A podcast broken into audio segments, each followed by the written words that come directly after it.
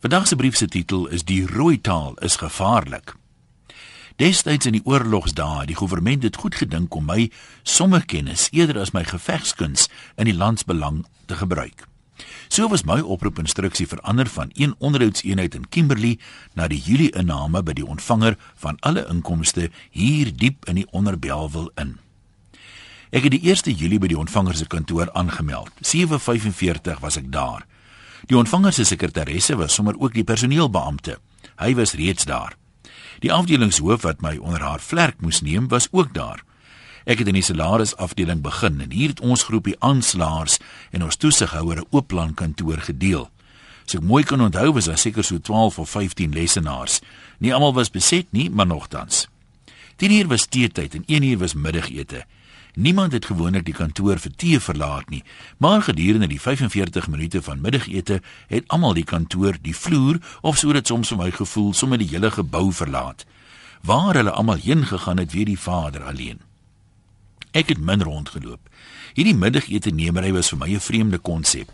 Studente doen mos nie die middagete ding nie. Gewoon het ek my broodjie geëet en rustig met die aanslagwerk voortgegaan, dit terwyl ek sommer die telefoon geantwoord het wanneer die toesighouer in die dorp gaan rondloop het. Dit was aanvanklik eienaardig om op te let hoeveel die inkopiesakke toeneem en verminder sekere tye van die maand. Tot die penny vir my gedrop het en ek ook gewoond geraak het aan die lekkerte van die dae net na betaaldag.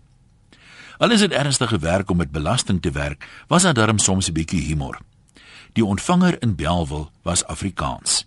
Die baas was Afrikaans. Die afdelingshoofde, die toesighouers, die inspekteurs, die aanslaers, die klerke, selfs die bodes was Afrikaans. Net die rekenaar was Engels.